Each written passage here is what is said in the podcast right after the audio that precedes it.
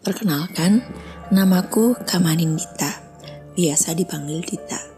Kali ini aku akan menceritakan salah satu pengalamanku yang terjadi di kisaran tahun 2009-2010. Jadi waktu itu aku masih masih bekerja di salah satu sekolahan favorit itu di kota tempat aku tinggal. Nah, suatu siang sepulang bekerja seperti biasalah orang kalau lagi suntuk capek istirahat pasti sambil main HP kan sama halnya yang terjadi pada aku waktu itu jadi aku lagi istirahat di rumah mainan HP cek-cek HP Kemudian aku ngerasa kalau aku tuh ngeliat ada sekelebatan. Tapi kalau biasanya kita ngeliat kelebatan itu cuma sesekali aja, ini enggak. Jadi ini tuh kayak keluar masuk di seluruh ruangan yang ada di dalam rumah. Sosoknya itu cowok dan kelihatannya itu cuma dari sebatas betis ke atas jadi bawahnya tuh aku nggak nggak ngeliat jelas dan bentuknya itu samar kayak tembus pandang gitu pakai baju serba putih. Dia masuk ke ruangan kakakku yang pertama terus keluar lagi. Masuk ke ruangan kakakku yang kedua keluar lagi.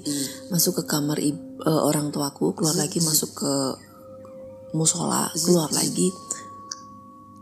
Masuk itu habis itu ke ruang tamu. Dan begitu seterusnya.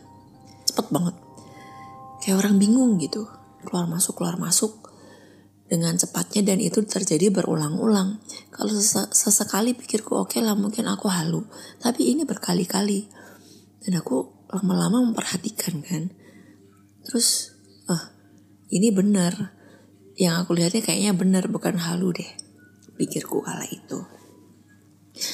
Lalu aku menghubungi salah seorang teman yang dia bisa lah bisa tahu tentang hal-hal yang kita kadang uh, mikirnya di luar nalar gitu. Sebut saja dia Mas X yang sekarang sudah almarhum. Kemudian aku menghubungi dia.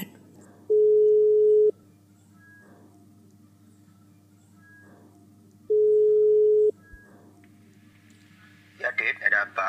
Mas, ini kok kayaknya aku ngelihat sekelebatan tapi berkali-kali dia keluar masuk seluruh ruangan yang ada di dalam rumah. Ini beneran gak sih yang aku lihat? Apa cuma halu atau emang benar? Terus kalau benar, kira-kira dia lagi ngapain? Apakah dia sedang mencari sesuatu di dalam rumahku? Atau kenapa?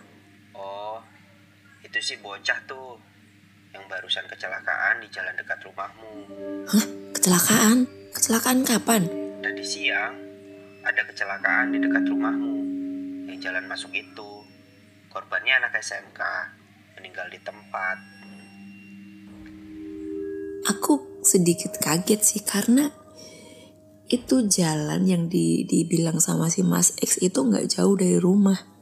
Cuma berapa meter, ya kira-kira 300 sampai 500an meter dari rumah. Kok aku bisa nggak tahu gitu? Ya ya sih, berangkat dan pulang kerja itu aku nggak lewat situ lewat jalan yang arah kiri kalau yang disebutkan uh, arah kanan. Tapi se sedekat itu harusnya ada kabar-kabar biasanya kan di ya biasalah kalau di uh, kampung gitu kan pasti ada eh di sana ada ini sana ada ini ini ini enggak sepi gitu. Nggak ada yang rame-rame begitu. Itu yang bikin aku sedikit heran gitu. Tapi uh, oke. Okay. ya sudahlah gitu. Aku nanya lagi terus ngapain mas dia di sini? Kalau orang kecelakaan maksudnya udah meninggal gitu kan ya udah kan gitu udah dia punya urusan lain urusan dia sama Tuhan. Kenapa ngapain dia ke sini ya? Kamu kan tahu dit. Kalau di sepanjang jalan itu ada yang pasang tumbal. Tapi ini bukan tumbal yang setiap ini ya setiap saat. Tapi itu kayak musiman gitu. Jadi kalau pas ada kecelakaan nanti besok ada lagi besoknya ada lagi. Tapi kalau pas enggak enggak. Lama banget. Terus nanti pas musim kecelakaan jadi kayak musiman gitu. Musim kecelakaan sering banget terjadi kecelakaan. Kalau pas enggak enggak gitu. Nah pas itu kebetulan emang pas sedang musim kecelakaan dan salah satunya ya si bocah ini katanya. Terus dia lagi dicari sama si penunggu jalan situ.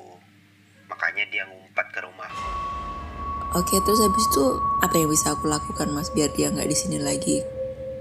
Udah anterin pulang aja.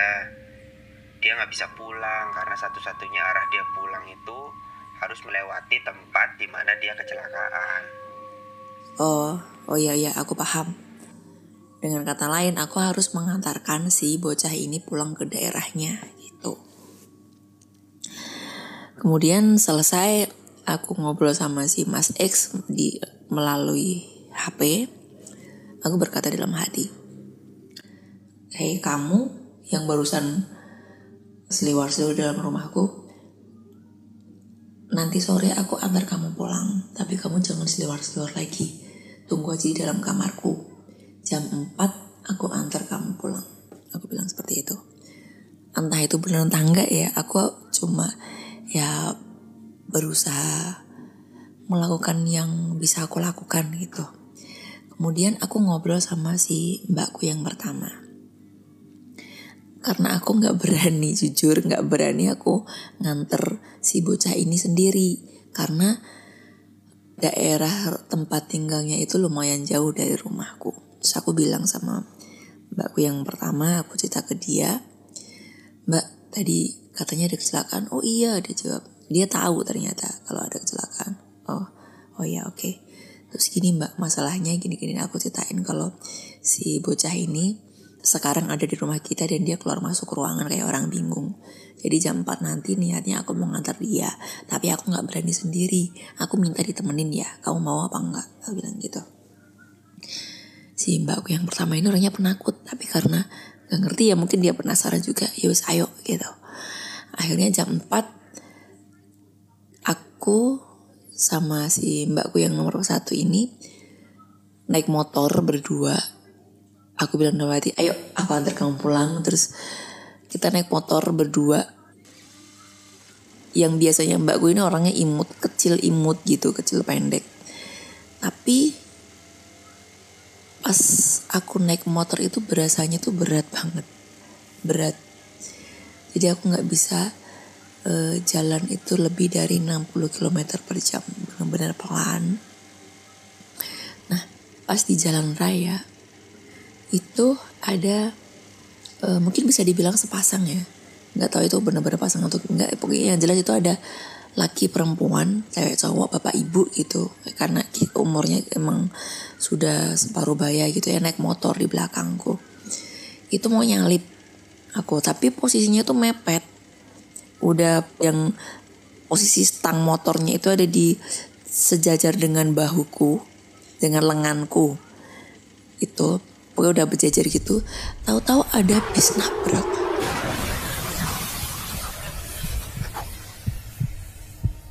Dari arah depan.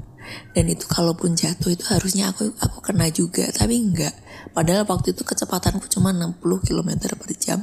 Tapi aku lolos aku sama mbakku ini bisa lolos dan dia jatuh sendiri. Keserempet si bis tadi si mbakku tuh udah tegang banget udah hampir teriak tapi dia mm, saking takutnya.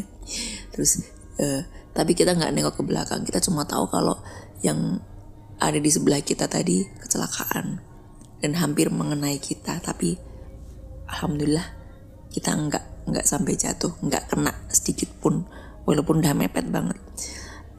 Terus kita melanjutkan perjalanan terus terus terus sampai di daerah yang kata si Mas X tadi adalah daerah asal si bocah ini tadi. Masuk ke daerah itu itu motor langsung berasa enteng. Nggak ngerti kenapa bisa gitu jadi bener-bener enteng seperti biasa aku ngeboncengin mbakku ini. Karena dia kan kecil jadi nggak ngeboncengin dia pun juga nggak nggak nggak terasa gimana gimana kayak orang mau naik motor biasa. Nggak ngeboncengin orang gitu terus saya kayak mbak udah enteng nih yuk kita pulang. Aku putar balik kita pulang. Oke kita pulang. Sampai di rumah nggak terjadi apa-apa nggak ada apa-apa lagi nggak nggak ngeliat yang aneh-aneh lagi.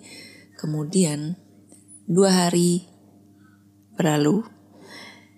Waktu itu malam hari kisaran jam setengah sembilanan atau jam sembilan aku lupa tepatnya. Pokoknya kisaran itu udah mau uh, udah sepi udah mau bubuk juga. Aku keluar dari dapur. Itu aku berpapasan dengan sosok kakek-kakek pendek tinggi sebahuku dengan baju warna hitam kayak daster panjang yang nutupin tangan. Daster panjang gitu ya tangan dan kakinya ketutup. Mukanya coklat. Mohon maaf kayak orang bekas kebakar. Jadi mukanya jelek gitu. Dengan rambut panjang tapi nggak begitu panjang sih cuma sedada. Itu rambut nggak beraturan. Ada yang di depan ada di belakang. Rambutnya warna merah. Rambutnya ini jarang-jarang jadi kulit kepalanya itu terlihat. Jadi agak-agak botak gitu kemudian aku berpapasan benar-benar berpapasan, berpapasan. Pintu dapur itu kan sempit jadi ketika berpapasan di, pin, di pas di pintu itu tuh benar-benar kerasa ah, papasan gitu. Aku ngeliat dia tapi dia nggak ngeliat aku lurus aja gitu. Dia masuk ke dapur aku keluar. Aku tuh udah deg-degan banget karena lihat lihat wujudnya tuh nggak biasa. Lalu aku pura-pura nggak lihat dan biasa aja nggak lari nggak pokoknya melakukan hal yang maksudnya berusaha sebiasa mungkin aku masuk kamar kemudian aku kontak lagi si Mas Ek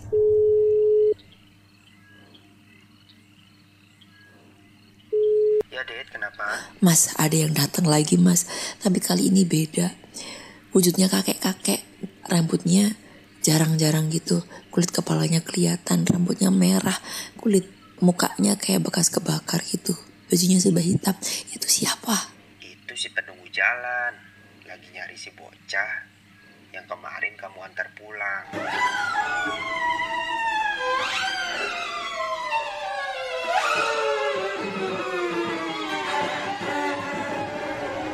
Oh, oke. Okay. Seketika badanku merinding seluruh tubuh. Aku ngerasa, aduh, kalau dia tahu kalau aku yang nganterin si bocah pulang, Apakah dia akan marah? Apakah dia akan melakukan sesuatu kepadaku? Atau gimana? Aku mulai khawatir kan. Terus gimana mas? Gak apa-apa. Dia gak akan melakukan apa pun ke kamu. Tenang aja, tenang.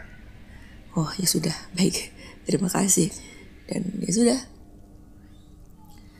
Aku hanya ngelihat kelebatan. Maksudnya aku hanya ngelihat dia sekali itu. Aku berpapasan dan sampai saat ini aku nggak pernah ngelihat dia lagi. Dan